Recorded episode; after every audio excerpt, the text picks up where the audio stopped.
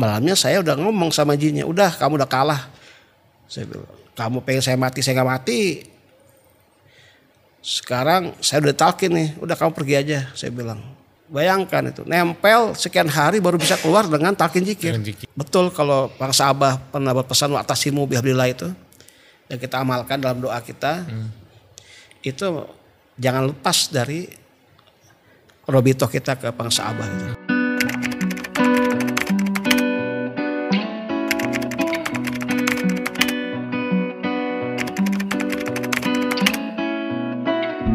Jadi saya pertama kali jumpa beliau ini di Jakarta Islamic Center ya Pak Kiki. Iya betul Ustaz. Masya Allah, itu tahun berapa ya? Awal periodenya berapa Pak Kewafi itu.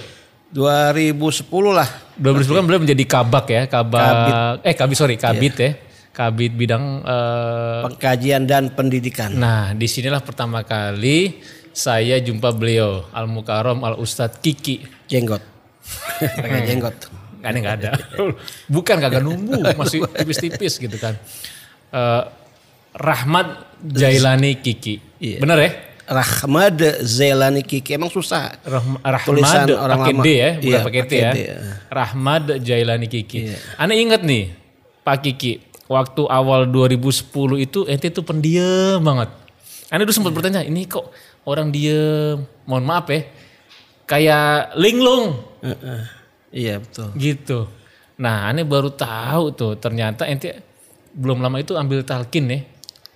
Eh, waktu Iya. pas pas kayak Wafi di JC, nggak lama kemudian ente ngambil talkin zikir ya. Iya betul. Nah. Talkin jika oleh Kai Wafi. Nah sebelumnya kan ngeliat ente linglung tuh, tapi setelah talkin tuh lebih Udah mulai, terengginas. udah iya. mulai, udah mulai. Kenapa itu emang dulu apa lagi ada cobaan hidup yang berat atau gimana? Iya itu. gimana lagi Ki? Itu pengalaman yang sangat berharga yang nggak semua orang mengalaminya ya, nggak semua orang mengalaminya. Hmm, Dan tidak ada ya bisa mengulangi itu atau mencoba mendapatkan pengalaman itu dengan sengaja nggak ada itu. dan berharap nggak nggak nggak Dan jangan lagi. sampai ada lagi lah kayak begitu di diri saya ya. Itu kejadian seperti itu. Bisa cerita Pak Kiki, mungkin apa sih kejadian eh, yang menimpa Pak Kiki tempo hari itu? Ya ini sejarahnya sebelum ketemu kayak Wafi ya di Talkin itu, Heeh. saya kan senang ziarah juga dulu ya. Tahun 2009 Sakup ya. itu ziarah. Nah ziarahnya itu biasanya ke Kadilangu, Ustadz Idan. Kadilangu itu kan eh, ini Sunan Kalijaga ya. Iya. Kemudian ke Kudus, ke Muria gitu. Hmm. Nah di malam tahun baru itu saya ke Demak, perbatasan Jepara, sama kawan saya yang dulu juga kerja di Jakarta Islamic, Islamic Center. Center. Nah itu, jadi kalau disingkat JIC itu yang di Keramat Jaya sekarang ya, Oh, Keramat oke. Jaya Koja, Iya, iya, dulu Koja. Keramat Tunggak. Hmm.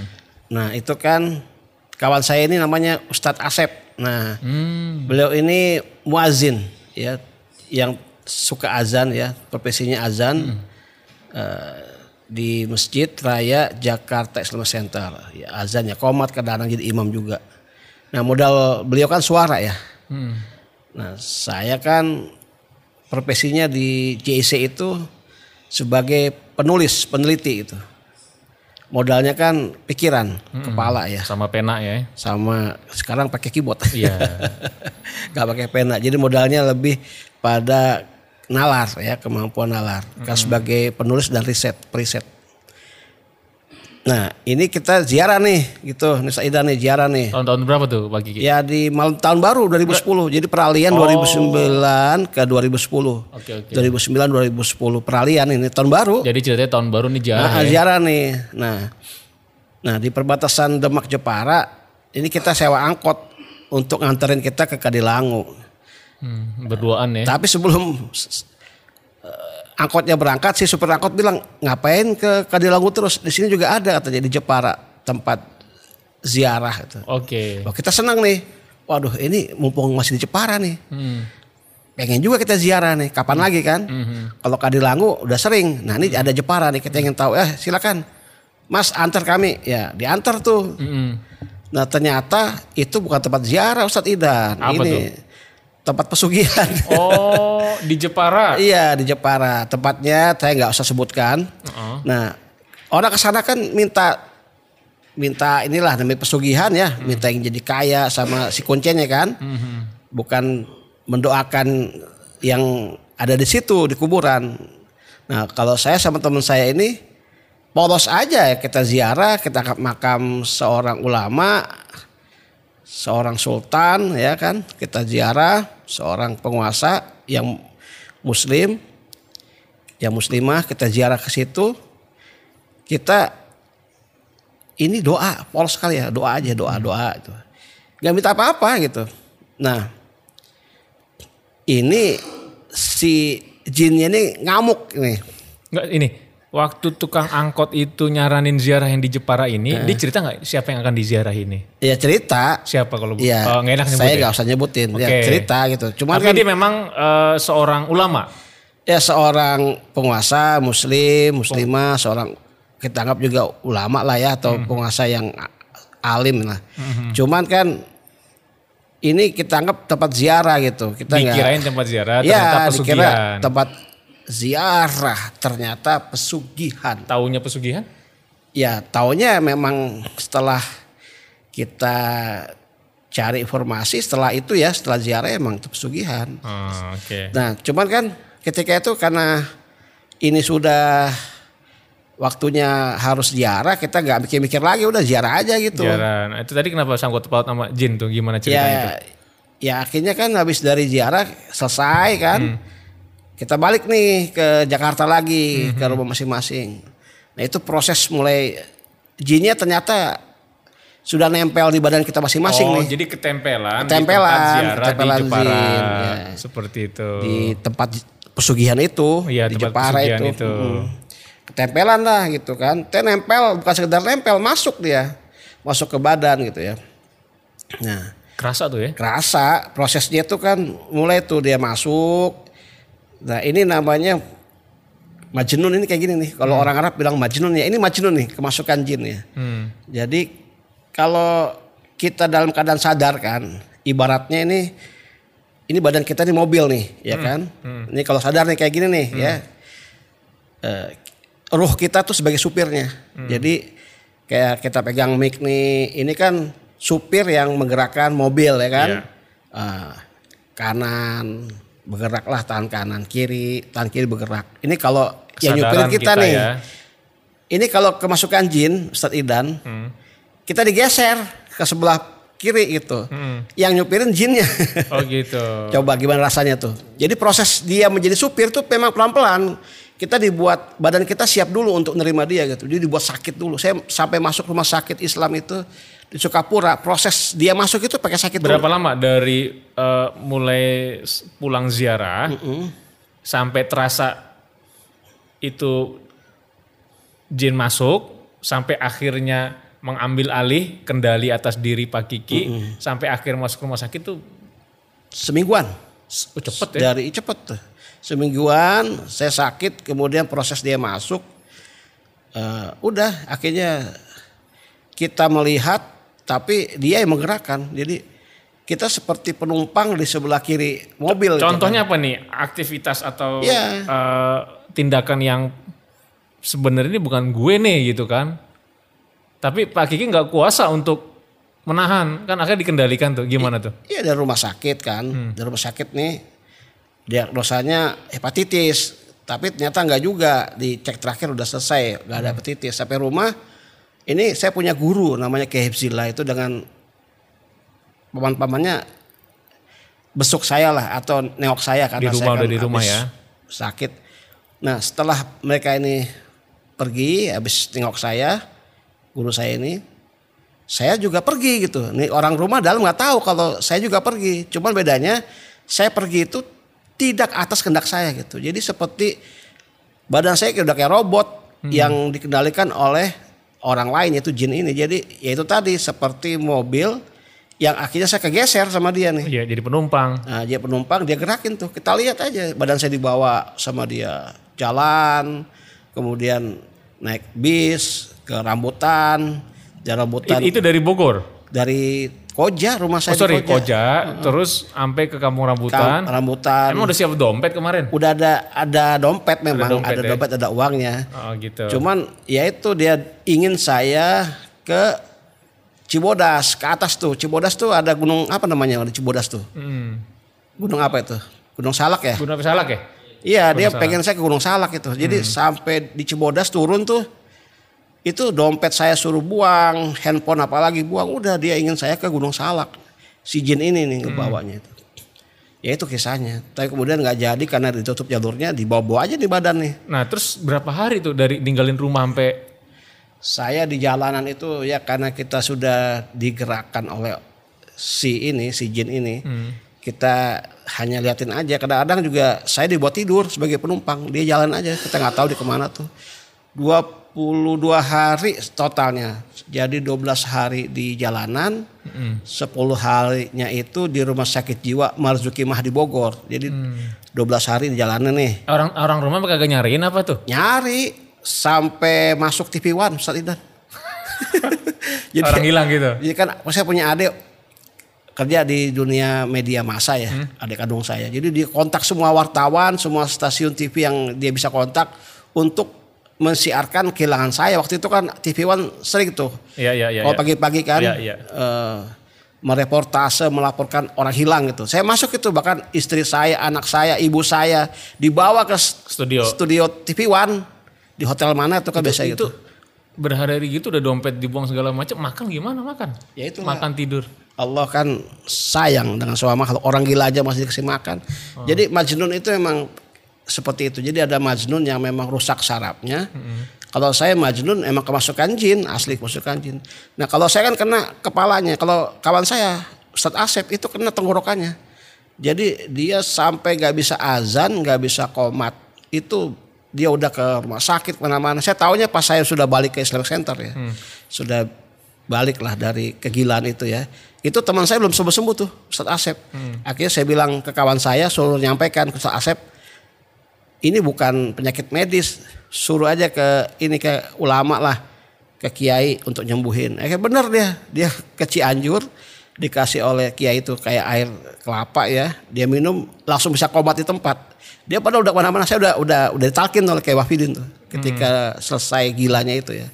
22 hari itu. Hmm, nah jadi jadi Pak Kiki ini 10 hari di jalan 10 hari jalan. 12 hari di rumah sakit Eh kebalik bos. Sorry, 12, hari, di jalan, 10 hari di rumah sakit Iya. nah 12 hari di jalan tuh ngapain aja Wah. ke mana aja itu Iya iya iya. Ya mana-mana dah. masih ingat nggak Masing. iya Dari Cibodas mau ke Cipanas nggak jadi, baik lagi. itu jalan kaki atau Terus. naik apa Nah, kalau dari Cibodas naik angkot tuh, angkotnya nggak bayar juga. itu angkotnya baik juga tuh. Sampai turun di pasar Ciawi. Nah dari pasar Ciawi udah jalan-jalan, jalan-jalan di eh, apa daerah-daerah Tajur ya, Tajur, terus masjid Raya Bogor tuh yang dekat Berlang Siang. Jalan lagi sampai ke dekat masjidnya Azikro.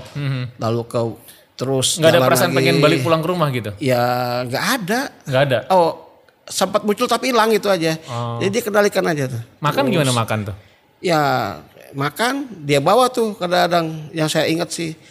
Karena saya kadang-kadang dibuat tidur sama dia kan. Kita, kita kan penumpang akhirnya. Hmm, hmm. Terserah dia dia mau bawa ke mana nih kan. yang yang diingat dibawa ke mana Ya. kalau untuk usulan makan Pernah kayaknya ke warteg hmm. nggak bayar tapi ribut ngajak ribut warteg kayak berantem juga itu. Ah, gitu ya sempat. Jadi waktu saya balik ke rumah kan bini saya kan ngeliat badan saya itu penuh dengan ini bekas sudutan rokok. Oh kok bisa Jadi, ya karena kan orang gila kan macam-macam ulahnya kan. oh itu itu nggak sadar ya itu nggak sadar. Ikan seperti badan ini kan seperti oke. mobil. Ya, yang di mana kita penumpang yang Iya, nggak tahu iya. tuh mobil ketok-ketok iya iya digebukin dari luar. Ti- tidurnya di mana kalau gitu tuh Ya di jalanan. di jalan di emper toko 12 gitu hari itu di pinggir jalan aja. Pinggir jalan, di trotoar. nggak mandi tuh Ya kagak mandi. Ya, sholat juga itu, ya? Itu musim hujan ya. tapi sholat nggak Ya kagak sholat juga gimana sholat ya? Kan tadi sempat nyinggung masuk ke masjid ini masjid ini Eh, halamannya aja, Oh, halamannya. halaman masjid lihat orang ceramah. oh gitu Ya, tapi nggak sholat. Pernah waktu itu sih saya ini pengen sholat di dalam, coba nggak bisa. nggak bisa sholat. Gerakannya itu diatur sama si ini. Kita mau sholat nggak bisa. Nah, Jadi sam- pernah ke, mampir sih pernah ke masjid, cuman nggak bisa. Hmm. Nah sampai akhirnya bisa masuk ke rumah sakit, siapa yang nangkap tuh? Satpol pp. Jadi sampai PP udah, udah- bukan, bukan bukan hanya orang ya sama dagangan ya, pesawat juga bisa dikerek ya. Iya. Apalagi orang gila, gampang banget. Jadi inget nggak waktu ketika sama satpol pp dibawa ke rumah sakit? Inget, Inget nggak? Apalagi nggak sadar juga. Ingat, ingat. Dibawa satpol pp-nya ke dinas sosial di, di daerah mana tuh pas daerah Bogor. Bogor? Bogor. Kota Kenapa itu. ditangkap tuh? Ya karena kan saya bikin ulah ya, bikin onar tengah jalan eh, ngadangin mobil tuh. jinnya gila ini. Yang gila bukan saya, jin yang gila itu. Iya, Oh sampai ngadangin mobil gitu? Iya, teriak-teriak tengah apa tengah jalan, pinggir jalan. Ya dilihat ini ngeganggu banget kan ya udah akhirnya tangkap. Masukin dinas sosial. Heeh. Dinas sosial juga saya marah-marah. Akhirnya nih orang gilanya nggak bisa diobatin ini. Masuk harus berobat. Di? Iya, dimas masukin ke rumah sakit jiwa Marzuki Maha di Bogor. Oh, berapa lama di RSJ itu? Eh 10 hari. 10 hari. 10 hari. Nah, Ngapain aja tuh kalau di RSJ pagi gitu? Ya, ini kisahnya- Kan gabung sama teman-teman tuh. Ya, jadi malam pertama masuk itu saya ngamuk-ngamuk tuh. Yang ngamuk bukan saya sih jinnya ngajak ngamuk. Jadi itu eh, sampai saya ditutupin dan digebukin sama petugas rumah sakit kan dianggap yang onar. Badannya gede sih. Iya. Udah gitu pengalaman nih seumur hidup. Dapat baju orang gila yang kalau kita makin kuat Bergerak. berontaknya, bergeraknya itu baju makin kencang ngikat kita. Oh, makin ngereket Nah, itu tuh baju khusus orang gila yang Oh, baru yang tahu.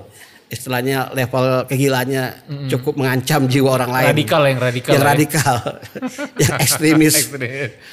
Jadi itu saya sampai dipakai baju gitu karena dianggap gilanya belum stabil loh ya, makin kenceng nih nah, kegilaannya. Marah-marahnya masih tinggi gitu. Karena akan mengganggu banyak orang termasuk petugas rumah sakit jiwa Marzuki Mahdi Bogor itu. Eh, itu saya diobatin di situ. Kalau misalnya eh, ini orang tahu saya siapa, kenal identitasnya mahal itu Ustadz Ijan per hari itu. Ustadz berobatnya. Ini karena saya dianggap sebagai warga negara yang nggak punya status, identitas, Oh iya, KTP nggak ada nggak kan? ada kan dibuang semua. Eh, akhirnya dianggap ya sudah ini harus dirawat sebagai warga negara yang memang punya hak walaupun identitasnya nggak jelas. Kalau ada identitasnya bisa Ditagihkan. kena cas itu ke Iya. keluarga ya. Pinter juga dong pagi gitu dulu tuh, Iya, yang pinter. ngebuang-ngebuang gitu. Yang pinter jinnya. Ustadz Idan, kalau saya jinnya pinter tuh. Nah itu sempat begitu tuh. Sampai saya dimasukin ruang isolasi sendirian gitu. Karena emang dianggap masih belum bisa stabil ya. Itu Kegilaan. gimana respon teman-teman di sana tuh pas Pak Kiki masuk dengan banyak eh Teman-teman mana nih? ya di ini RSJ. Se- Sesama orang gila ya. Ah, masih gitu ah, responnya gimana tuh? Iya, sesama orang gila. Kan saling- banyak jadi biang rusuh nih. Iya, ya saling menggila ya. gitu.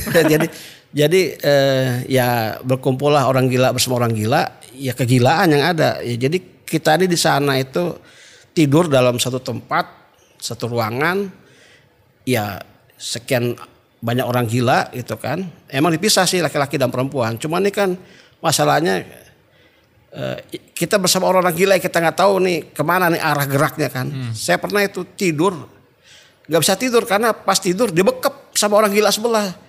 Pakai bantal, tuh muka kita tuh. Ah, uh, itu ya cukup mengancam ini ya eh, keselamatan juga. Itu pas lagi tidur saya eh, seperti disadarkan oleh jinnya. Jinnya keluar sebentar lah. Ingin eh, saya itu merasakan ancaman dari orang lain ya. Ya kayak gitu. Jadi saling mengancam kalau dalam satu ruangan tuh. Jadi kita nggak bisa tenang juga. Ya orang gila gak ada yang tenang lah. Ya jadi saling saling mengancam saling menyakiti kalau dalam satu ruangan. Tapi kan masalahnya eh, rumah sakit rutin ngasih obat penenang ya. Betul. Jadi lah ya nggak- nggak punya gerak ya. Iya. Sampai akhirnya bisa keluar. Itu gimana keluar dari rumah sakit? Ya ini karena mungkin ya banyak yang mendoakan saya dari istri-istri saya, dari keluarga ya mendoakan. Jadi suatu saat di hari ke berapa tuh ya? Saya ingatnya hari ke lima lah. Hari kelima ke enam itu di rumah sakit jiwa itu di siang hari ada bisikan yang enggak terdengar suaranya dan nggak kelihatan orangnya, tapi suara itu mengatakan mau balik ke keluarga, masih sayang sama anak istri. Saya bilang iya, gitu. ya udah balik ya. Gitu. Terus suara apa siapa saya nggak tahu. Tiba-tiba ingatan saya seperti baik lagi nih. Kayak kesadar ini tahun berapa di mana nih gitu. Oh gitu. Iya.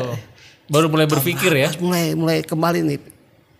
Mulai kembali memorinya ya, kesadarannya mulai mulai kembali. Saya tahu jinnya masih ada, cuman mungkin udah mulai tertutup dengan bisikan ini nih, omongan ini dia mungkin lebih memilih untuk diam nih jinnya nih. Tapi di situ saya mulai pegang kendali nih. Pegang kendali badan saya gitu ya. Nah, terus datang nih dokter koas, masih muda. Mhm. Jadi anak muda yang mahasiswa tingkat akhir lah ya, yang sudah selesai kuliah kedokterannya, sedang koas nih. Dia kuliahnya di UIN, UIN Jakarta. Hmm, Ini kan tempat saya kuliah dulu nih S1. betul. Nah, saya lagi duduk, dia tanya, dia lagi cek satu-satu nih pasien Hmm. gila nih, orang gilanya tuh atu. Nah, pas ke saya, saya bilang, dok saya udah sadar nih. Dok dari mana? Saya bilang dari UIN Jakarta. Oh itu kampus saya dulu. Saya ceritain, dia kaget kok nih orang gila bisa ngomong lancar ini. Lancar, tektok gitu ya. Nah, tektok.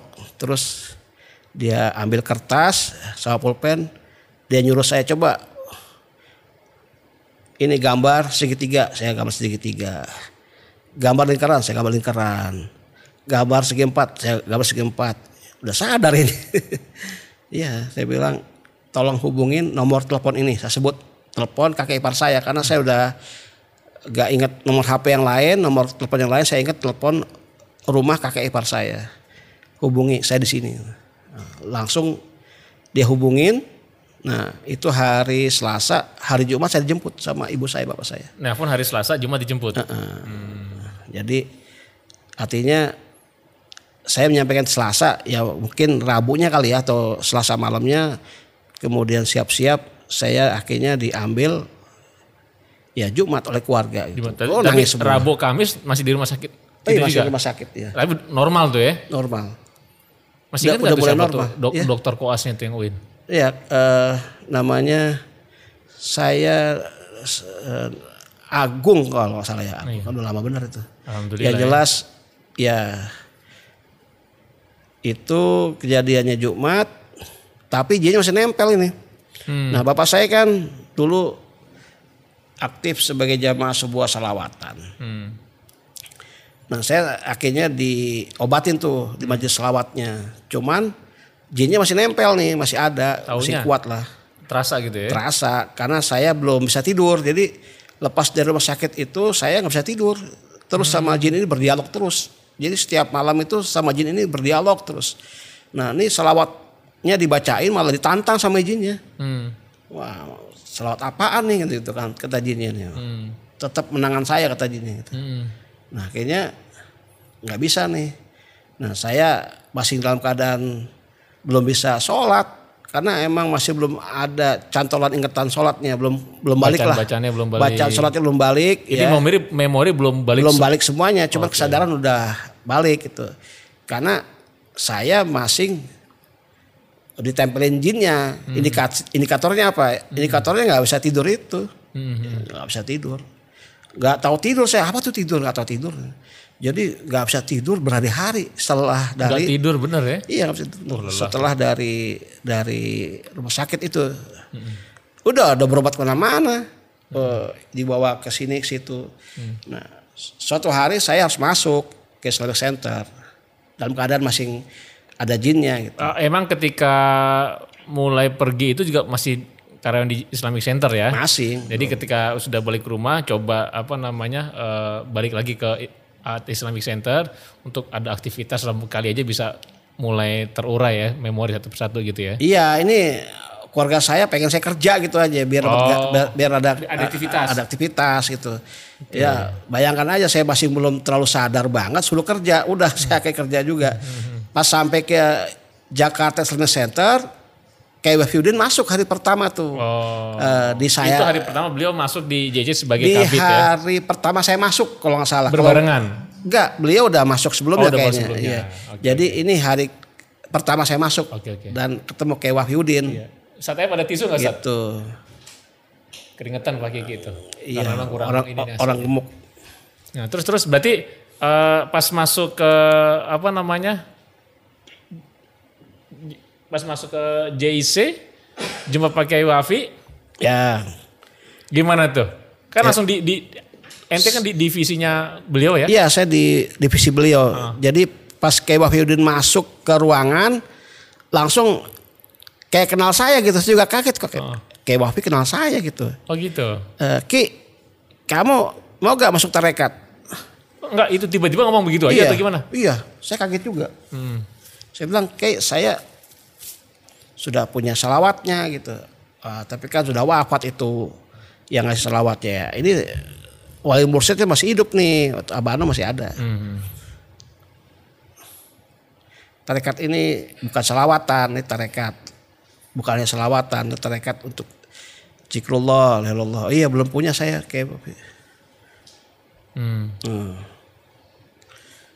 Ya udah talkin ya kata gitu. Ya udah akhirnya Hari itu juga pertama masuk langsung talkin atau gimana? iya langsung siangnya talkin. Habis talkin itu terasa tuh ada perubahan. Malamnya saya udah ngomong sama jinnya, udah kamu udah kalah. Saya bilang, kamu pengen saya mati, saya nggak mati. Sekarang saya udah talkin nih, udah kamu pergi aja, saya bilang. Pergi ke Mekah dah masuk Islam saya bilang gitu. Hmm. Ya, dia keluar, dia keluar, saya bisa tidur tuh, Hmm. Baru bisa tidur. bisa tidur. Itu dahsyatnya talkinnya, Itu malam tuh ya? talkin Tiki and Suralaya tuh sedap. Hmm. Eh, kedahsyatannya tuh saya alami sendiri ya, saya alami sendiri makanya ini bukan tarekat biasa ini, tarekat luar biasa karena emang sudah banyak cara dari orang tua saya dengan banyak eh, ini doa-doa salawatan tetap nggak bisa-bisa keluar. Tapi baru ditalkin kayak Wafidin siang, malamnya saya ajak ngobrol nih jinnya udah keluar. Gampang banget. Saya nyebut Abah Anom aja udah kabur dia. Gimana tuh? Iya, saya bilang saya jadi murid Abah Anom sekarang gitu. Hmm. Udah ka- kabur, kabur dan langsung bacaan sholatnya balik lagi. Saya tidur pulas, habis sholat- tidur pulas saya bangun sholat. Bacaan sholat udah ini masih memori Sholat masih ingat lagi. udah langsung ingat lagi tuh bacaan sholat. Jadi saya ngomong Abah Anom aja dia udah kabur. Saya udah kalah kamu. Ngapain sama saya terus gitu. Hmm. Nah itu langsung saya bisa tidur nyenyak, bangun saya bisa wudhu, bacaan sholat balik lagi, bacaan sholat balik lagi, saya bisa sholat langsung seperti normal. Kemarin-kemarin tuh nggak belum sholat juga ya? Sebelumnya sebelumnya nggak ya? bisa, nggak bisa walaupun sudah dibacain jikir, ada jamaah yang ikutan juga salawatan, Hmm. diketawain sama jinnya. Ini jinnya bukan jin biasa, jin luar biasa. Dia raja jin tanah Jawa nih yang saya tahu. Hmm. Karena makam ini makam dari penguasa, ya penguasa tanah Jawa waktu itu, yang dijadikan sebagai inilah khodam ya, Iya. pembantu dalam kekuasaannya tuh. Jadi itu kayak Ustadz Idan Hmm. eh, kisah bagaimana saya mendapatkan betul talkin jikir dengan manfaatnya yang langsung saya rasakan luar biasa. Ya, itu. Bayangkan itu. Nempel sekian hari baru bisa keluar dengan talkin jikir. Dengan zikir dan memori langsung kembali. dan memori sebelum memori balik saya bisa tidur. Yang penting bisa tidur aja. Ya Allah. Karena- Pantesan waktu aneh ngeliat itu kayak linglung tuh mungkin lagi kurang tidur ya? nggak bisa tidur bukan kurang tidur. Kalau kurang tidur kan berarti bisa tidur Iya, tapi iya. kurang. Hmm, ini nggak bisa tidur. Pikiran terus bekerja tuh ya, Iya. dialog dialog. Iya, nggak tidur tidur kan begitu. Kalau kurang tidur kan masih enak masih tidur walaupun sedikit. Ini tidak tidur tidur. Gitu. Tidak tidur tidur. Sampai ditalkin jikirnya siang hari malamnya saya ajak dialog. Karena selama tidak tidur itu sebelum ditalkin saya sama jinnya tuh ser- eh, terusan diskusi kayak podcast begini. Tapi sambil terucap fisik atau dalam batin aja diskusinya? Eh, Kayak iya, orang gila dalam- ada juga yang ngobrol sendiri, jadi dia kayak ngobrol sendiri gitu. Nah itu model Pak Kiki yang di, diem itu sambil kayak dialog atau terucap kata langsung ya kombinasi kombinasi ya. kadang-kadang ngebatin Iya, iya. kadang-kadang podcast begini nih Betul ya. cuman nggak ada wujudnya kayak, aja kayak roti sobek ada Iya. yang rasanya kombinasi. Iya, ada iya. coklat, keju, Iya. kacang ya enggak. begitu begitu Ustaz Nah, eh, selepas itu eh kan Pak Kiki sempat ke Surelaya nggak Ya, lama saya itu. ya? Itu dengan siapa tuh? Ya kayak Wafidin Oh gitu diajak. diajak. Oh, oh. Tahun berapa Sama tuh? apa jenengan nggak salah. Sama. Enggak, saya enggak, enggak ikut ikut ini ya? deh. Enggak ikut. Tahun se- 2010. 2010 ya. Heeh. Iya. Tapi di akhir lah. Waktu itu oh, Pas pas? Suralaya ulang tahun. Oh, ulang tahun 2010. Surelaya. Itu Sem- rame sem- itu. sem- oh 2009 memang kalau setiap lima tahunan kan ada acara besar ya di, di, di 2010 Surelaya. ya. Iya. ah. Saya ngantri tuh, Idan ngantri sampai ketemu Pak Sahabat Anum sampai salaman, saya cium tangan beliau. Gimana waktu pertama kali? Iya beliau kan sudah Esa? tawajuh aja. Ya, ah, Nah, sudah tawajuh aja. Saya cuman tapi alhamdulillah saya bisa genggam tangan beliau, cium tangan beliau itu aja. Hmm, Kan antrian banyak tuh, jadi nggak usah lama-lama tuh. betul, Kita mengular ya. muter- muter Apalagi pas lagi. acara milad ya. Milad. Pas milad kalau nggak salah Berapa ya. berapa lama di sana? Semalam, dua malam? Dua malam kalau nggak salah. Dua malam ya. Malam. Ya dua malaman di sana. Dua malam ya. Suralaya ya. Masya Allah. Jadi begitu Ustaz Idan. Saya nyebut Abah Anum aja udah takut ya. Ah, setelah talkin dia itu keluar, sempat ada kunjungan-kunjungan nggak dari jinnya itu? Ya artinya ini kan kalau gini Ustaz Idan, kalau badan kita sudah pernah kebuka buat jin masuk, Hmm. dia akan selalu mencoba, selalu mencoba gitu. Maka dari sejak saat itu sampai hari ini, sampai hari ini, saya selalu ngomong ke siapa pun bahwa saya terus bertarung gitu dengan diri saya sendiri gitu. Jadi saya tidak akan pernah ngusik orang lain, melawan orang lain, justru musuh terbesar saya adalah diri saya sendiri. Jadi musuh yang terberat yang saya hadapi sehari-hari adalah diri saya sendiri gitu. Karena apa? Macam-macam cara memasuknya itu Dan beragam ya. berga- beragam cobaannya segala macam gitu. Karena kita sudah ibarat eh, rumah udah nggak ada pintunya lagi atau pintunya sudah mulai gampang dibuka oleh siapa pun tuh. Nah kalau nggak dipakai jikir terus, gitu, ya itu bakalan kebobol lagi. Makanya penting jikir. Nah ini kadang-kadang juga dicoba saya kadang-kadang juga begitu kondisi lalai, kurang jikir, ya itu juga sebenarnya rawan ancaman buat saya juga gitu. Ya itu aja. Jadi justru orang model saya ini yang sudah dibobol pertahanan ruhaninya gitu ya. Eh, badannya juga untuk kemudian jadi tempat bebas shelter lah untuk masuknya makhluk-makhluk seperti itu ke dalam tubuh ya harus lebih ekstra gitu untuk jikir menjaga ya. jikirnya sebenarnya ya tapi eh, saya lebih sensitif untuk mendapatkan energi jikir ya. Jadi kalau kita jikir, zuhur, asar itu kalau orang maaf aja ikhwan yang belum pernah kemasukan seperti saya ya misalkan jin mungkin energi jikirnya belum terlalu terasa. Kalau saya menikmati betul karena itu masuk betul ya. Bukan dari saya tapi dari jamaah. Makanya kalau ada jikir, sholat itu ya saya menikmati betul karena energi itu masuk. Nah itu masuk. Cuman masalahnya kalau jauh dari jamaah itu juga sama juga energi buruknya juga masuk. Iya, jadi pentingnya berjamaah seperti Nah itu ya. itu penting berjamaah. Jadi sampai hari ini kalau mungkin dianggap oleh ikhwan-ikhwan ya TKN mungkin saya mungkin dianggap orang yang males lah untuk datang berjamaah, jarang manakibah segala macam. Sebenarnya kenapa sih gitu? Saya sedang bertarung dengan diri saya sendiri. Jadi setiap hari saya bertarung. Itu aja. Jadi eh, saya khawatir pertarungan saya berimbas kepada ikhwan I- lain. Insya Allah kalau udah ditalkin kita ngamalkan oh, udah selesai deh. Anses itu. Iya. Karena kan ini ya tadi disebut namanya aja udah kabur. Iya, saya lebih menikmati jikir sendirian. Iya. Tapi kalau jamaah ya Lebih pengen baik, banget lebih bagus. lebih baik. Tapi kadang-kadang kurang pas juga saya pengen manakib tahu-tahu lagi harus berada di Cianjur atau Iya, tempat lain. itu kan Tapi- resiko. Ya, cuma rindu, saya rindu kalau misalnya manakib itu saya kangen banget karena di situlah energi itu masuk gitu, betul-betul terasa gitu. Selama bertekian Pak Kiki ini nggak ada mungkin pengalaman yang selain tadi bisa sembuh ya? Ada nggak pengalaman lain yang membuat berkesan setelah ber- bertekian? Eh, ya, Kan sekarang kan Kiki ini aktif ya di eh, gerakan apa peradaban luhur ya? ya lembaga peradaban luhur. RMI juga gitu kan. Jadi banyak pembicara lah gitu kan. In- Ini kan menarik nih dari da- dari dulu yang sempat hampir sebulan nggak pulang-pulang kalah tuh. Eh, kalau diterusin bisa di Bang Toyib Dikit lagi, Iya. dua bulan lagi. Dua bulan lagi Bang Toib. gitu kan. Nah, Apa nggak pengalaman-pengalaman yang eh, jadi menambah yakin bahwa nih beliau ini memang mursyid Kamil Mukamil nih Pangar Sabah. Selain tadi masalah sembuh itu ya. Ya saya pernah didatangin dua orang murid sebuah tarekat. Mm. Yang mereka itu kalau ngetes ini orang tarekat tuh dengan melihat siapa di Belakang. belakangnya gitu. Saya bilang siapa doang saya? Abah Anom. Tahu dia. Padahal saya belum nyebut tarekat saya itu adalah Tikian. Saya belum nyebut. Gitu. Dua orang ini teman saya di daerah Koja ya, Jawa Utara. Yang mereka tuh sudah dianggap sebagai murid senior, udah bisa ngelihat orang gitu. Jadi sebelum saya menyebut tarekat satu apa, siapa wali mursyid saya, mereka berdua bisa nebak. Gitu. Eh, artinya saya belum detail ya cerita tentang TKN, mereka udah nebak. Eh, bahwa wali mursyid itu memang akhirnya selalu memantau kita ya. Artinya Robito itu memang terbangun dari talkin jikir yang sudah pernah masuk ke dalam diri kita gitu. Itu Robito terbangun itu.